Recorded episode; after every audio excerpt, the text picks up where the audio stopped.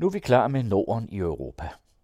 You're Canadian. You're not running, and you're no. probably not voting. So, what difference can you make? It's a, it's. I'm a citizen of the world, is what I like to think, and you know, I'm Canadian. Uh, I have an American passport too, but I'm a resident of France right now, and so I, I, I care deeply about the planet, and, the, and Europe has to be the hero. I don't have as much faith. Mens britterne og det øvrige Europa venter på Brexit-aftalen eller ikke-aftalen herop til Europaparlamentsvalget, så sker der meget andet på den europæiske front.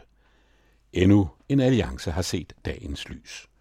Næppe er planerne om en ny EU-skeptisk alliance lanceret på et møde mellem Anders Vistisen fra Dansk Folkeparti, den italienske højrefløjsleder Matteo Salvini og repræsentanter fra de sande finder og Alternative für Deutschland, før endnu en alliance har set dagens lys.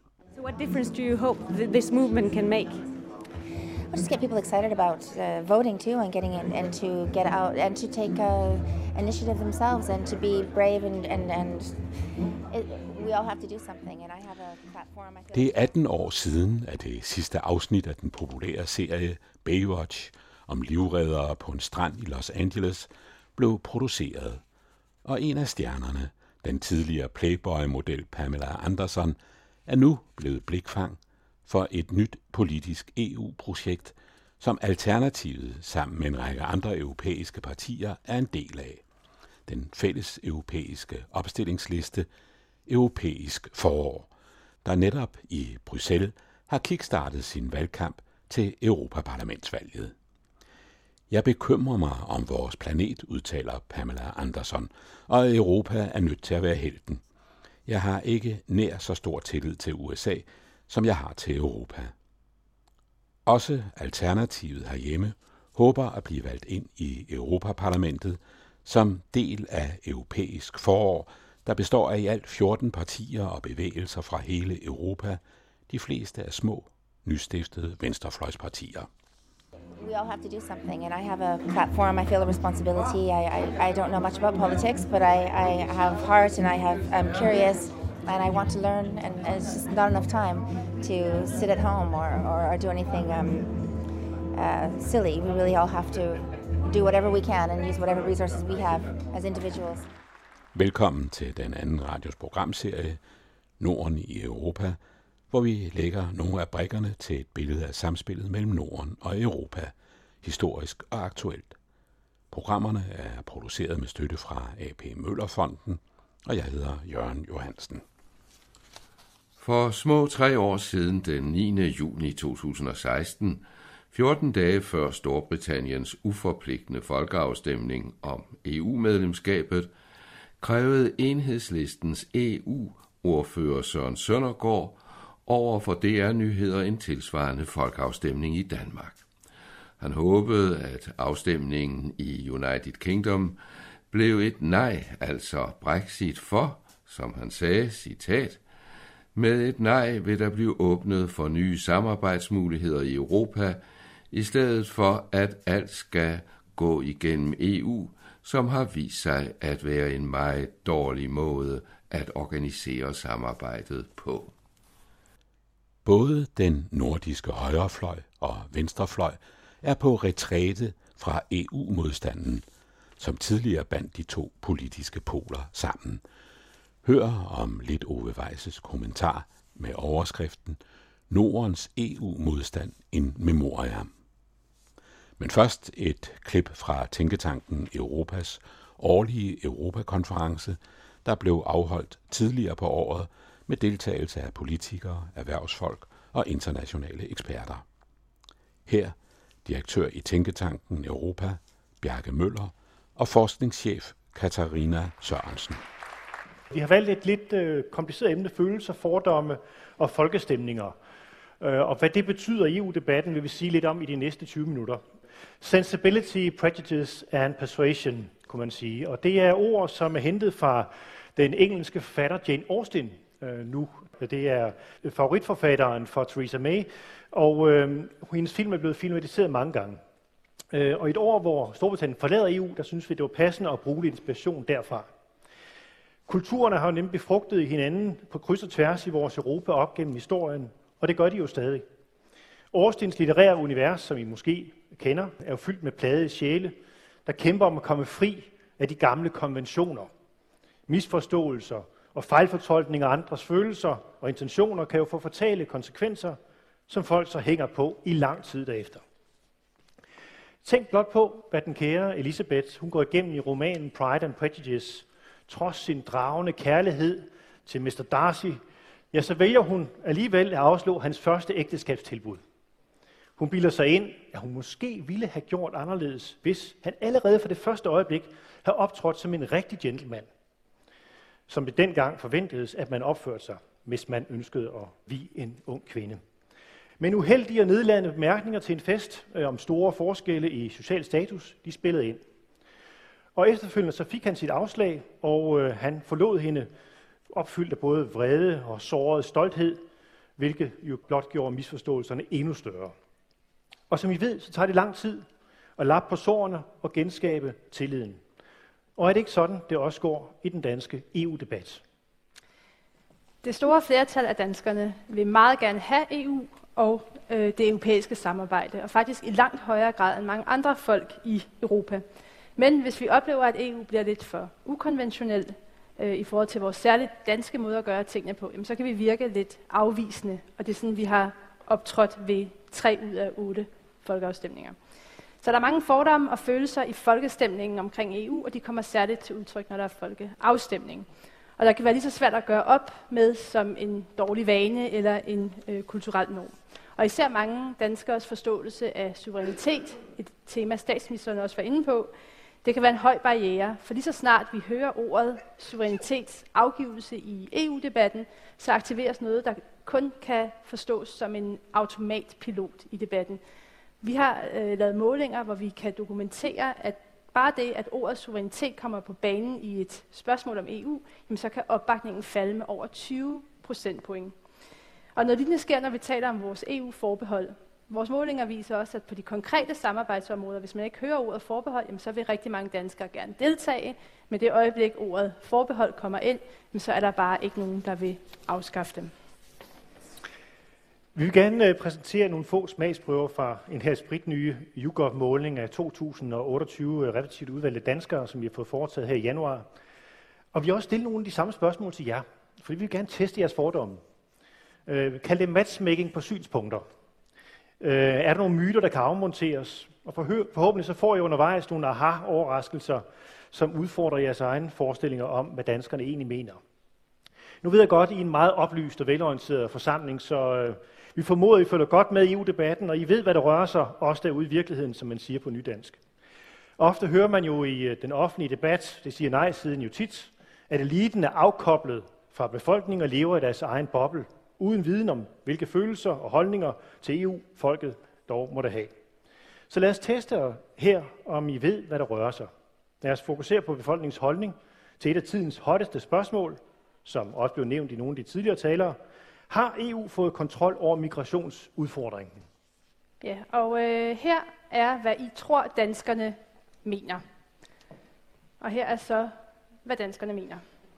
Så øh, top karakter. Øh, I ved lige præcis, hvad danskerne tænker om svaret, endda lige ned til den præcise procentsats. Vi har sorteret ved ikke svar øh, væk her. Men det er meget øh, imponerende.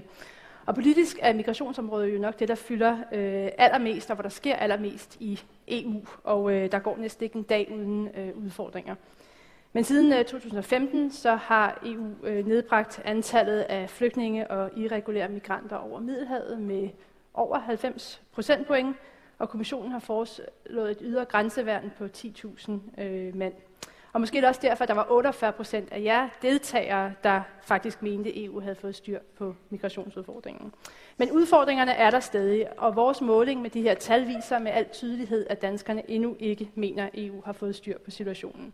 Ifølge den seneste Eurobarometer-måling, der er der 56 procent af danskerne, der mener, at EU bør gøre mere for at bekæmpe irregulær migration. Og spørger vi danskerne, så mener de faktisk også, at det er EU, der skal til. De vil hellere have fælles europæiske løsninger end nationale løsninger. Men meget mere om det i nogle kommende notater fra os. Så lad os hoppe videre til et andet spørgsmål, der er vigtigt. Forsvar og sikkerhed. Ved I, hvad danskerne har svaret på spørgsmålet, om Danmark bør gøre med i et tættere og forpligtende europæisk forsvarsarbejde? Lytter man til EU-modstanderne, så vil folk jo gerne bevare forbeholdet. Nogle politikere de er også bange for at sætte det til folkeafstemning, fordi at de er bange for at ende i en debat om øh, eu her, den her frygtede EU-her, eller hvad det nu er, danskerne kan blive skræmt af. Men behøver de være det? Forsvarsminister Claus Hjort Frederiksen argumenterede for, at i disse Trump-tider måske er tid til at fjerne forbeholdet. Vi hørte i dag statsminister Lars Løkke Rasmussen sige, at han vil have det fjernet. Dog har han ikke sat en tidsfrist på. Debatten er i gang, og lad os opmuntre den, i stedet for at det stivner i fastlåste positioner. Så lad os lige kigge på, hvad I tror, at danskerne mener om det her spørgsmål. Og det er som sagt øh, 57 procent, som mener, at Danmark skal deltage i en øh, tættere, et tættere samarbejde. I vurderer, at der er et flertal af danskere, der er enige. Men, og der er I faktisk ret tæt på, for lad os sige, hvad danskerne faktisk mener. Her har vi altså også sorteret ved ikke fra, fordi der var ikke nogen af jer, der havde svaret ved ikke, og vi er nødt til at sammenlignelige tal. Og det må man også sige, hvis det var en folkeafstemning, så er det det, der tæller. Men øh, det viser altså, at øh, folket er stadigvæk øh, af den opfattelse, at, øh, at det her er et, et, et vigtigt spørgsmål, og at vi de er helt og delvist enige i, at vi går, går med i tættere forsvarsarbejde. Men det viser altså også, at øh, måske er der en chance for, at man kan få en folkeafstemning. Eller gør det. Tror jeg, at politikerne så gør det. Og det er altså det næste, vi prøver at teste lidt her. Men der overraskede det os rigtig meget, at øh, opbakningen faktisk også gælder, når man bruger ordet EU her. For der troede vi faktisk, at vi ville se en stor forskel. Men selv med denne her formulering, at Danmark bør tilslutte sig en EU her, er der faktisk et flertal for, og det er faktisk et absolut flertal af befolkningen. Så til Sydlandet kan man godt tage en debat om forsvarsforbeholdet eller forsvarssamarbejde, uden at frygte et kæmpe backlash, når EU-hæren bliver smidt på bordet af modstanderne. Men her kommer så hanken, for hvis man spørger danskerne, om de vil afskaffe forsvarsforbeholdet, så vil de stadigvæk ikke det. Så vi er tilbage til adfærdsforskning eller neurovidenskaben. For vores nye øh, YouGov-måling afslører også, at det gør en kæmpe forskel, hvilket ordvalg, der anvendes, når man åbner en debat om forbeholdet. Øh, vi delte nemlig de 2028 respondenter op i to grupper, og i den ene gruppe, og vi spurgte dem om forsvarsforbeholdet, og i den ene gruppe, så spurgte vi, om man skulle afskaffe eller beholde forbeholdet, og i den anden gruppe skulle vælge mellem, om man skulle deltage eller ikke deltage. Men til samme spørgsmål, hvad skal Danmark gøre med forsvarsforholdet? Og her først, hvordan folk svarer på spørgsmålet om at afskaffe. Og øh, de her tal markerer godt nok den laveste opbakning til at beholde forbeholdet. Vi har målt siden vi startede vores målinger i 2014, men der er stadigvæk et flertal imod at afskaffe forbeholdet. Det skifter, når vi spørger, når vi anvender ordet deltagelse, endda ret markant. Så altså samme spørgsmålsformulering, men nu står der deltage i svarmulighederne. Og den formulering alene i svarkategorierne giver altså et meget pænt flertal for at gøre op med forbeholdet. Og det giver faktisk ret god mening, fordi hvis man øh, har læst lidt på Nobelpristageren Daniel Kahneman og Amos Tverskis øh, undersøgelser omkring de her ting, så er det sådan, at, at der er langt større sandsynlighed for, at folk de vælger status quo frem for at løbe en risiko ved at vælge noget andet end de velkendte vilkår. Deres, deres forskning den viser, at tab af noget velkendt psykologisk set føles dobbelt så smertefuldt som gevinster. Smerten ved at miste 100 kroner er dobbelt så stor som glæden ved at vinde 100 kroner, eller kaldte euro i den her forsamling. Man kunne sige det anderledes. Et individ skal opleve, at forandring er dobbelt så attraktiv som status quo, før individet begynder at ændre adfærd og siger ja til forandring. Og det er måske også derfor, det er ekstra svært at ændre forbeholdene. Har flertallet først en gang selv sagt nej, kan det også blive sværere for dem at ændre status quo senere. De har følelsesmæssige forbindelse til det valg, de træffede tidligere. Og selv på et tidspunkt, hvor danskerne nu har, kan vi se, meget høj opbakning til EU-samarbejde, kan blive svært. Så lad os prøve at teste et område, hvor vi ikke formelt set har stemt om det et forbehold, men alligevel er i venteposition, nemlig bankunionen. Hvad tror I danskerne siger til spørgsmålet om Danmark bør gøre med i bankunionen? Ja, statsministeren svarer lidt på det selv. De er nemlig ikke helt så positive, som I selv er på det personlige plan. Men de er altså heller ikke så afvisende, som I forestiller jer. Og det er her, hvad danskerne mener, og I tror, at danskerne mener, og det er her, hvad de svarer. 60 procent er helt eller delvist imod, at Danmark går med i bankunionen. Men hvad nu, hvis man spørger, om Danmark bør gå med i et tættere og forpligtende banksamarbejde? Se, det er naturligvis noget helt andet, for så er udfaldet næsten det stik modsatte. Ja-siden vil så få 56 procent, og det er næsten 14 procentpoint højere, eller der er 14 procentpoints forskel mellem de to spørgsmålsformuleringer. Så unionen er altså noget af det, der kan trigge en automatpilot. Samarbejde er mere positivt. Man vil hellere deltage i noget fælles, end at afskaffe noget, man allerede har. Så det er meget afgørende, hvordan en folkeafstemning frames. Men det er også vigtigt ikke at overvurdere øh, spørgsmålsformuleringens evne til pludselig at sikre et ja ved en folkeafstemning. For i løbet af en lang kampagne vil der selvfølgelig være masser af tid til, at alle de dybere liggende vaner og tankemønstre mønstre genopleves. Og EU-holdninger er noget, der er overraskende stabilt over tid. Men de allerseneste målinger viser ikke desto mindre øh, et, en stigning i danskernes opbakning, som nok kan kobles sammen med tiden omkring det britiske nej. Og det er på den baggrund, at opbakningen i dag slår alle rekorder. På stort set alle andre områder end dem, der lige forbindes med suverænitetstab, så er danskerne faktisk så EU-positive på en række parametre, at de virker mere begejstrede end selv den politiske elite. Hele 80 procent siger ifølge den seneste Eurobarometer-måling, at øh, fremtiden vil være bedre inden for EU end udenfor. Så kun et lille mindretal drømmer altså om en Dexit. Trump og Brexit har sikkert fået danskerne og europæerne til at rykke tættere sammen om EU. Den fremstår så nu som en sikker havn i det roligt verdenshav. Man kunne sige, måske har danskerne på det her punkt fået en slags status quo bias. Vi vil gerne bevare EU, også selvom vi på nogle punkter er skeptiske over for mere union og politisk integration, så vil vi gerne have, at EU gør mere på en række politikområder. Nu lader vi ud med at vise øh, det spørgsmål, hvor I her i salen ramte rigtig fint i forhold til folkestemningen. Det var på spørgsmålet om migration.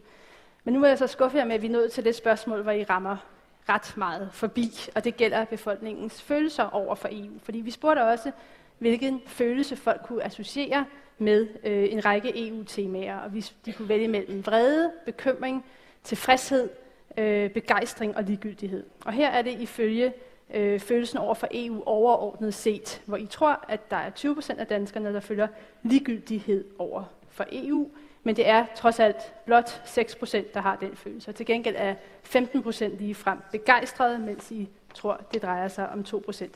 Men det går faktisk endnu mere skævt i forhold til et andet tema, som jo kommer mere i vælten de næste par måneder, og det her det er spørgsmålet om følelsen over for Europaparlamentet. Her i salen er der en følelse af, at 68 procent af danskerne føler ligegyldighed over for Europaparlamentet. Og det må siges at være en fordom. For kun 14 procent af danskerne føler ligegyldighed over for parlamentet. Øh, derimod er de ganske meget mere tilfredse, end I forestillede jer. Det er nemlig 42 procent, der er tilfredse. Ja, det giver jo lidt håb. I burde måske have forudset det, hvis I har læst den sidste øvebarometer, som nogle af nørderne gør. Den viser, at tilliden til Europaparlamentet i dag er større end til Folketinget, 62 mod 61 procent. Og tilliden, altså blandt danskerne, til kommissionen er 4 procent point højere end til den danske regering. Faktisk er det tankevækkende, at de overnationale EU-institutioner har højere tillid end de nationale demokratiske institutioner ifølge Eurobarometer. Langt lavere der ligger de mellemstatslige organer, som ofte hyldes i den danske EU-debat, som Ministerrådet og det europæiske råd. De har ikke så høj tillid. Og det er måske den store historie, at danskerne blev langt mere positive over for EU-institutionerne, end den politiske elite forestiller sig. Myten om danskernes EU-skepsis af sejlivet, men den svarer ikke helt til virkeligheden.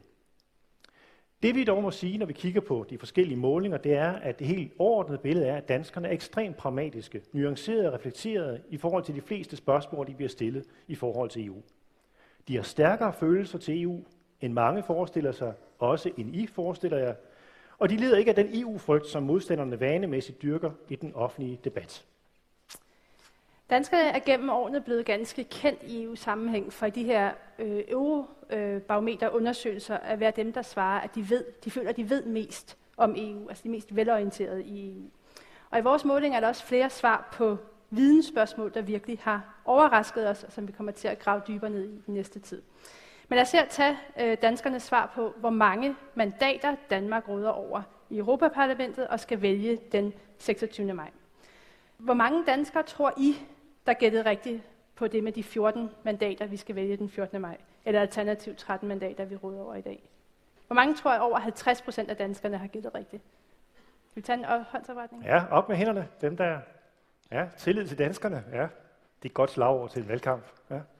Ja. Det var ikke alle, der rakte hænderne op, men vi vil gerne opfordre alle i hvert fald til at tænke på et procenttal for, hvor mange danskere, der har givet det rigtige tal. Og hvad er så det korrekte tal? Det er 2 procent af danskerne, der ved, at vi den 26. maj skal finde 14 mandater til Europaparlamentet. Det er chokerende lavt, og Det er godt, kun markerer, 4 Claus. procent har gættet på det nuværende danske mandattal på 13. Så der er sammenlagt, hvis man tager 13 af dem, der har gættet 13 og 14, er der flere, der tror, at vi skal vælge to mandater. Så der kunne man fristes til at sige, at der er behov for mere undervisning helt tilbage i skolen. Ja, og der vil vi sige, der vil vi ikke stå her og komme med store belærende pegefinger og moralisere. Det er ikke så meget ind i for tiden. Demokrati er jo ikke en, en time i den sorte skole. Danskerne bliver ikke dårlige demokrater af, at de ikke lige ved det eksakte tal. Hvem kender i øvrigt navnene på alle deres byrådsmedlemmer, øh, hvis jeg spørger? Der er stadig mange huller i vores viden om EU, og noget tyder på, at vi dog trods alt, selvom vi har manglende viden på nogle punkter, så har vi en stigende samhørighedsfølelse med EU. Og det kan også være Brexit og Trump, der gør noget, men jeg tror også, at det er en længerevarende proces, og det kan vi i hvert fald se, at der er en længere trend der. Det centrale spørgsmål for Danmark er dog nu, det er, om vi nu vi gerne vil være med og have en samhørighedsfølelse med EU, om vi så også vil tage konsekvenserne af det. Og her må vi jo sige, at i dag, efter når Storbritannien forlader det, fællesskabet, så står vi tilbage som det yderste land, lille, marginaliseret, og som det eneste land uden for de tre samarbejdsområder, hvor der sker allermest i EU. Vil vi ikke gerne høre til i indegruppen? Det er jo der, det er rart at være i et fællesskab. Man kan sige, debatten handler ikke så meget i dag om det danske medlemskab, for der har vi besluttet os for, at vi er en del af det her, og et suverænt stort flertal af danskerne er glade for at være med i EU. Men spørgsmålet er, om vi vil tage det næste skridt, også at blive en del af det inderste. Der kan vi se, at der er på nogle punkter nogle overraskelser i vores målinger. Et solidt flertal af danskerne er for eksempel tilhængere af en fælles asyl- og migrationspolitik, men vi har et retsforbehold, så det er ikke altid lige konsekvent. Ja, og målingerne bekræfter også, at danskerne godt ved, at EU er en, spiller en afgørende rolle for at løse nogle øh, globale udfordringer. Og her kommer øh, til sidst to eksempler på områder, hvor danskerne mener, at EU har en helt afgørende rolle. Først klimaet, som danskerne næst efter migrationsspørgsmålet ser som den største udfordring i dag. Øh, som for de andre spørgsmål, vi har vist, har vi delt op som folkeafstemningsspørgsmål, så vi har taget ved ikke svar væk. Men af de danskere, der tager stilling, der er der altså 80 procent, der mener, at EU spiller en afgørende rolle for en klimaløsning. Øh, og til allersidst så øh, danskernes holdninger til det indre marked, øh, som vi i disse Brexit-tider måske bør skynde endnu mere på, og her er tallet altså 84 procent, der mener, at det spiller en afgørende rolle for dansk velstand. Og her kunne vi jo sådan set godt slutte, men vi vil lige komme med en lille henvisning til den kære Årsten igen. Vi skal nok øh, løfte sløret for flere af de her tal i de kommende uger og måneder øh, fra Tænketankens side. Men øh, vi kunne også godt have tænkt os, at Jane Austen kunne afslutte det her foredrag med at fortolke jeres fordomme, øh, men det kan lade sig desværre ikke gøre. Men interessant er, hvis man læser Pride and Prejudice, så mener hun også om, at man sandelig ikke bør gifte sig af hensyn til sin families traditioner, sociale konventioner eller indkomst, men netop kun af kærlighed. Det var jo et tema, som Jean-Claude Juncker også tog op i sin tale, State of the Union-tale. Jane Austens romaner har mange lag, men den kære Elisabeth tager sin beslutning om endelig at gifte sig med Mr. Darcy, da han har ændret adfærd. Virkelig anstrengt sig og opført sig som en rigtig gentleman. Ikke kun over for hende, men også over for hendes nærmeste i nød. Så hun beslutter sig til sidst for helt at give, hen, give sig hen til ham. Af taknemmelighed. Ikke fordi han har elsket hende en gang, men af taknemmelighed over, at han har fortsat elsker hende, og har tilgivet hendes irritable og hårde måde at afslå hans første frieri på. Vi behøver ikke at være fanger af vores fortid, men kan gennem større selvindsigt og anstrengelse og god opførsel på noget længere, end vores oprindelige status og adfærd ellers tilsiger. Civilisation er for Jane Austen ikke noget, man ejer, men noget, man skal gøre sig fortjent til. Lad os håbe, at din erkendelse, der ikke går tabt, hverken i Danmark eller i resten af Europa. Du hørte et uddrag fra Tænketanken Europas årlige Europakonference, og nu til Nordens EU-modstand en memoriam. Både den nordiske højrefløj og venstrefløj er på retræte fra EU-modstanden, som tidligere bandt de to politiske poler sammen. Kravet om nye folkeafstemninger om medlemskabet fortoner sig. Lignende tendenser ses i flere EU-lande, bortset fra de tidligere østeuropæiske sovjetvasaller, som blev optaget i unionen i årene til 2007. Her er højrepopulismen fortsat stålsat i sin modstand med modtagelsen af pengestrømmen fra EU som undtagelsen. Tumulten omkring Storbritanniens udmeldelse har skræmt de tidligere EU-modstandere, som både i EU-parlamentet og nationalt nu arbejder for at ændre unionen indefra. Ove Weiss orienterer. For små tre år siden, den 9. juni 2016, 14 dage før Storbritanniens uforpligtende folkeafstemning om EU-medlemskabet, krævede enhedslistens EU-ordfører Søren Søndergaard over for DR-nyheder en tilsvarende folkeafstemning i Danmark. Han håbede, at afstemningen i United Kingdom blev et nej, altså Brexit for, som han sagde, citat, med et nej vil der blive åbnet for nye samarbejdsmuligheder i Europa, i stedet for at alt skal gå igennem EU, som har vist sig at være en meget dårlig måde at organisere samarbejdet på. I dag siger partiets talskvinde Pernille Skipper, citat, Vi stiller ikke op med krav om en folkeafstemning, vi stiller i stedet op for at ændre EU indefra. Og så tilføjer hun om kravet om udmeldelse af EU, citat, det var en fejl, Brexit har været en øjenåbner for os som parti. Tilsvarende erkendelse er kommet til EU-modstanden på højrefløjen.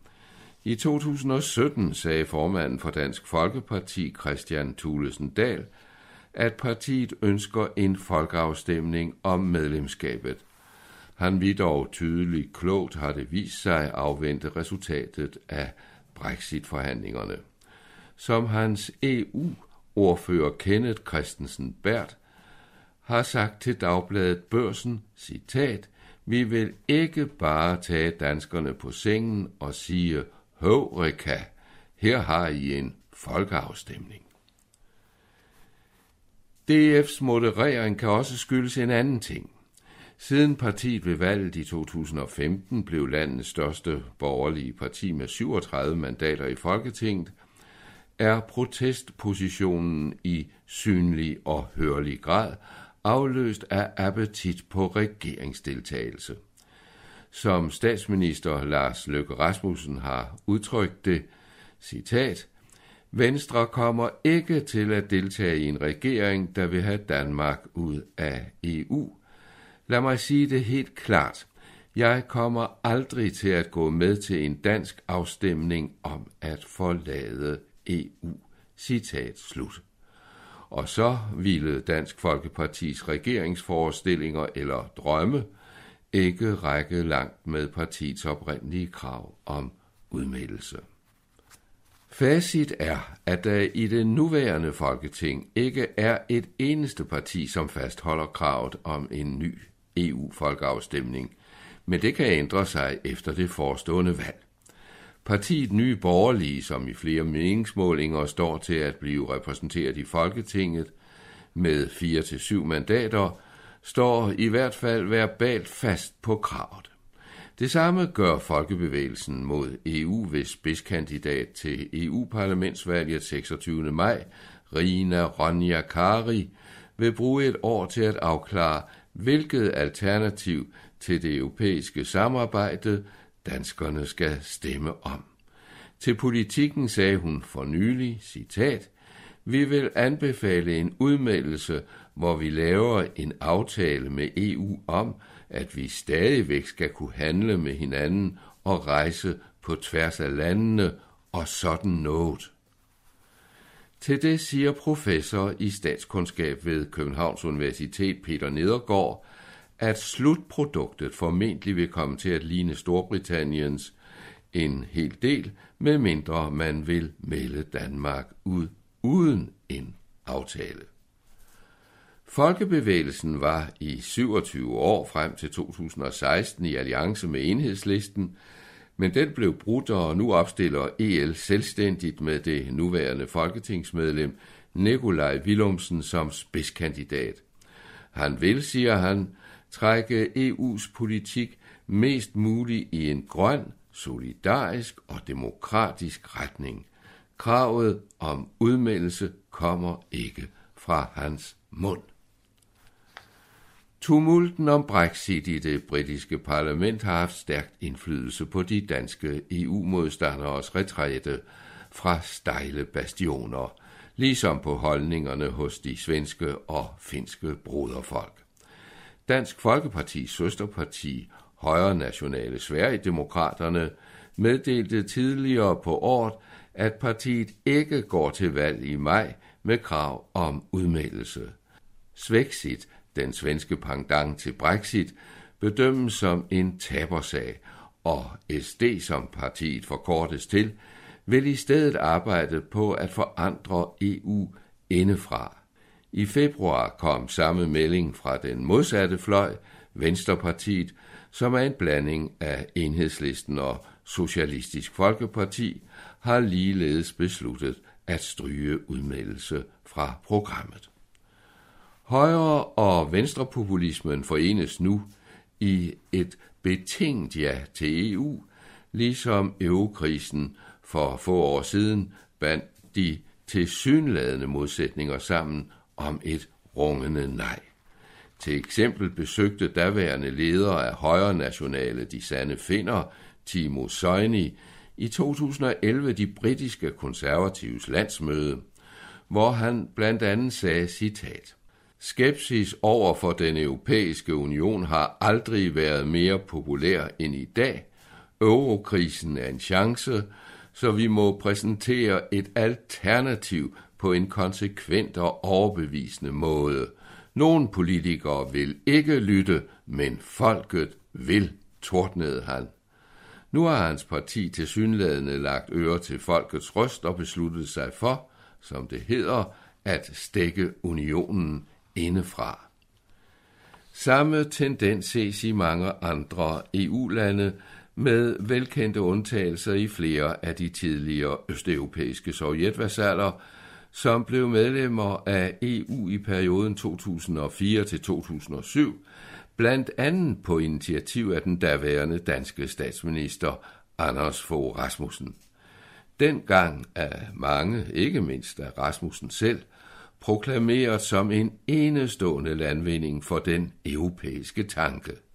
I dag anser samme kredse, bortset fra dem, der har valgt tavsheden, disse forholdsvis nye medlemslande som et voksende demokratisk problem for unionen.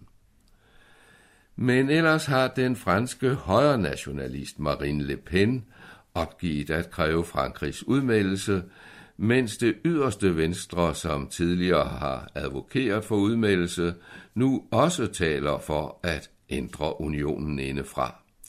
I Tyskland erklærer Alternative für Deutschland, at en folkeafstemning om Dexit, som det hedder der, skal være sidste udvej. Samtidig nægter partiet at sætte en tidsfrist for afstemningen. I Spanien er det venstreradikale parti Podemos blevet mere moderat i sin kritik af EU, mens det nye højreradikale parti Vox, som i meningsmålingerne står til en tilslutning på omkring en halv procent, taler for europæisk integration, dog med understregning af, at der er grænser for afgivelse af suverænitet til Bruxelles. Selvom Gert Wilders højre nationale frihedsparti i Holland fortsat kræver udmeldelse af unionen, er den aggressive tone dæmpet hørligt, mens Wilders nye konkurrent på højreflanke Forum for Demokrati understreger, at tiden lige nu ikke er til Nexit, som udmeldelsen kaldes i Nederlandene. Selv Italiens temperamentsfulde, nogen vil sige koleriske indrigsminister Matteo Salvini fra Nationalistiske Liga, hvis regering i Rom har talt Bruxelles midt imod, er blevet noget afdæmpet. Vi har ingen intentioner om at forlade EU. Vi ønsker at ændre EU, forbedre unionen, men ikke at forlade den, siger han. Den europæiske venstrefløjs dilemma i forhold til EU illustreres bedst af den britiske Labour-leder Jeremy Corbyns politiske løbebane.